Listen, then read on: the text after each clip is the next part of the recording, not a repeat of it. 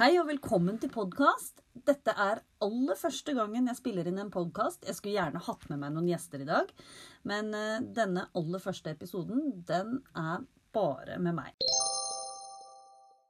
Denne podkasten skal handle om matematiske samtaler i klasserommet. Gode matematiske samtaler er viktig for at elevene skal utvikle sin matematiske kompetanse. Mary Kane Stein og Margaret Smith hevder at når vi jobber med kognitivt krevende oppgaver i klasserommet, så har den matematiske samtalen en tendens til å være preget av det de kaller for show and tell-diskusjoner. Elevene får lov til å vise fram løsningene sine og hvordan de tenker. Men samtalene stopper ofte der, og fører dermed til liten framdrift og liten utvikling av elevenes matematiske ideer. Smith og Stein har faktisk sett et eh, behov for en guide for å skape gode klasseromsdiskusjoner, og ikke minst maksimere deres potensial for å utvikle elevenes tenking.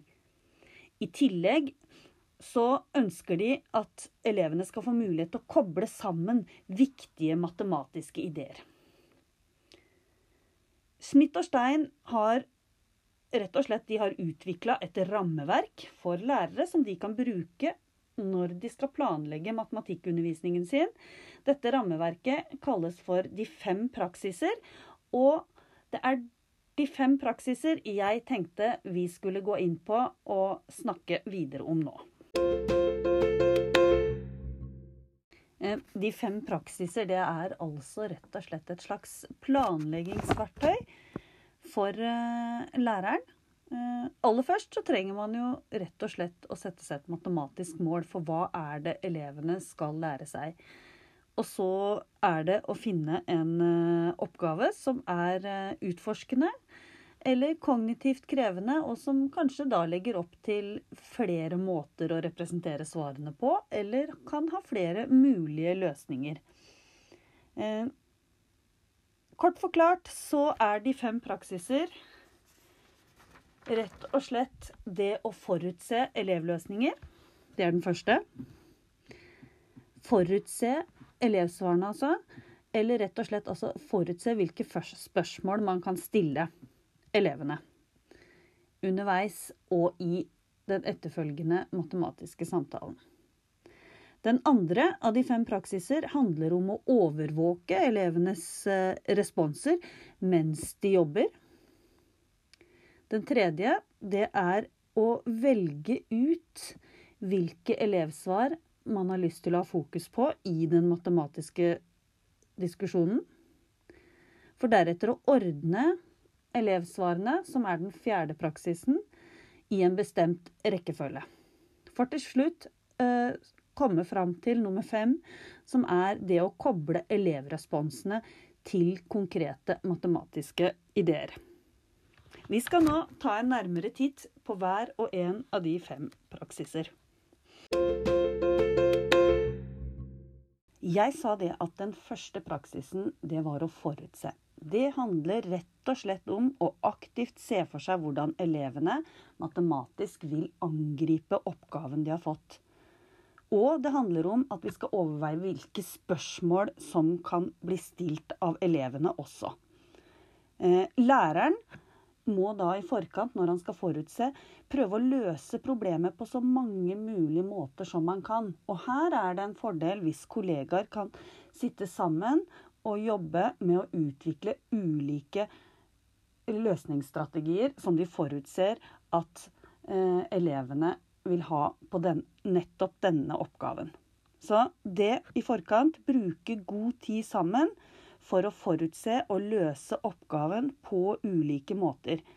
Og samtidig prøve å forutse hvilke spørsmål skal vi stille til eh, elevene for at de skal nå det matematiske målet som vi har satt oss. Den neste praksisen den ble kalt 'det å overvåke'. Nå er vi inne i sjølve undervisningsøkta, mens elevene jobber sammen om å løse det matematiske problemet. Eh, vi er altså inne i økta etter at læreren har presentert og forsikra seg om at alle elevene har forstått det problemet de skal løse. Og lærerens jobb nå, det er altså å overvåke elevenes eh, løsningsstrategier. Det handler altså om å følge nøye med på elevenes matematiske eh, tenking mens de jobber. Eh, det her muliggjør rett og slett det at læreren kan velge ut hvem man skal ha fokus på i diskusjonen. Det handler også om å, å, være nøye og se etter det matematiske læringspotensialet i hver enkelt elevløsning. Det å overvåke, det handler om mye mer enn å se og høre på elevene. Det er også aktivt å gå inn og stille spørsmål som synliggjør elevenes tenkning. Hjelpe elevene til å klargjøre egen tenking og forsikre seg om at alle elevene er involvert i den matematiske aktiviteten. Og som jeg sa under eh, praksisen å forutse, så kan mange av de spørsmålene her planlegges i forkant på bakgrunn av forutsette løsninger. Hvordan kom du fram til det svaret? Hva er sammenhengen her? Hva hvis? Dette, altså, disse spørsmåla forbereder også elevene på å raffinere svarene sine til de skal presentere dem i hel klasse. De to neste praksisene er utvelgelse og ordning i rekkefølge. Eh, når vi velger ut, så må vi velge ut enkelte elever som skal dele sin eh, strategi, eller løs sin løsningsstrategi. Da må vi velge ut ifra hva slags matematisk tenkning som skal synliggjøres. Altså vi må tenke på hvilket matematisk mål var det vi satte for timen. Eh, jeg tenker også det er viktig å tenke litt eh, ut ifra elevgruppa og hvilke elever ønsker vi skal få lov til å dele noe nå. Det her kan handle om hvilke elever er det lenge siden har bidratt i en matematisk diskusjon, og vi har sett at den eleven har eh, funnet en bestemt løsningsstrategi. Kanskje er det en elev vi har lyst til å løfte fram og skal få anerkjennelse i klassen for sin sin eh, løsning. Eh, når vi skal velge ut, så kan det, eh, må vi òg bestemme oss for om vi skal forberede elevene på det i forkant.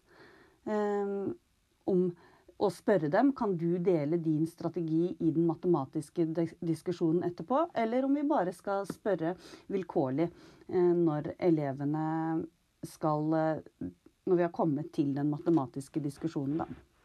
Eh, vi må også tenke gjennom om det er nødvendig å dele to like strategier, eller er det bedre å dele to ulike strategier som har kommet fram eh, under arbeidet, og så se på sammenhengen mellom dem.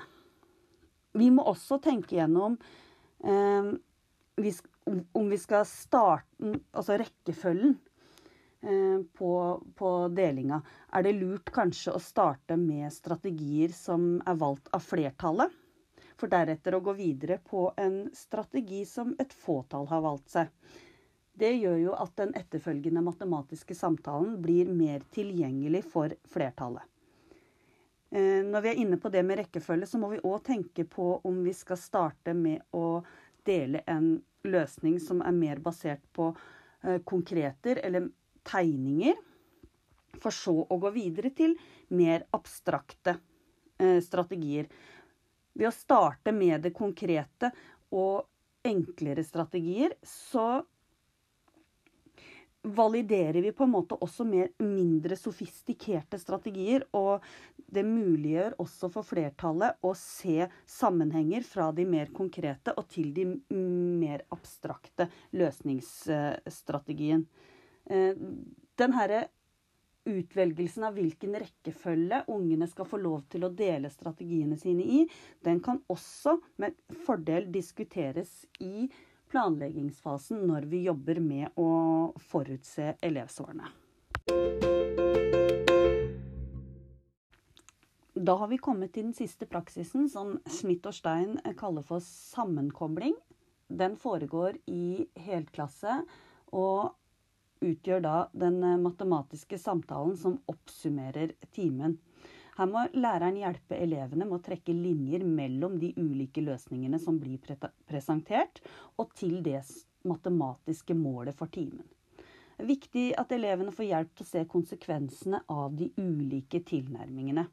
Eh, og kanskje ikke diskutere hver enkelt løsning separat, men la de ulike løsningsforslagene bygge på hverandre. Stille spørsmål som f.eks.: Hvordan er løsning 1 relatert til løsning 2? Sammenlign.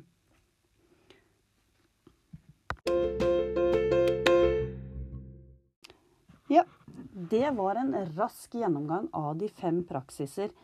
Og vi ser det at eh, Eller jeg tenker i hvert fall at jo mer vi klarer å forutse, jo lettere vil f.eks. den overvåkningsfasen være. Den vil føle mindre, føles mindre krevende hvis vi har brukt god tid på å forutse. Samtidig vil det å velge ut representasjoner og lage en rekkefølge også være enklere hvis vi er gode til å overvåke. Da vil òg den siste sammenkoblingsfasen eh, også bli enklere å få til, fordi den bygger på en eh, effektiv eh, overvåkning. Vi har òg sett det at eh, sentralt i alle fasene er hvordan og hva slags spørsmål lærerne stiller. Og jeg tenker at det er et interessant spørsmål som vi kan diskutere i den neste podkasten min. Takk for meg.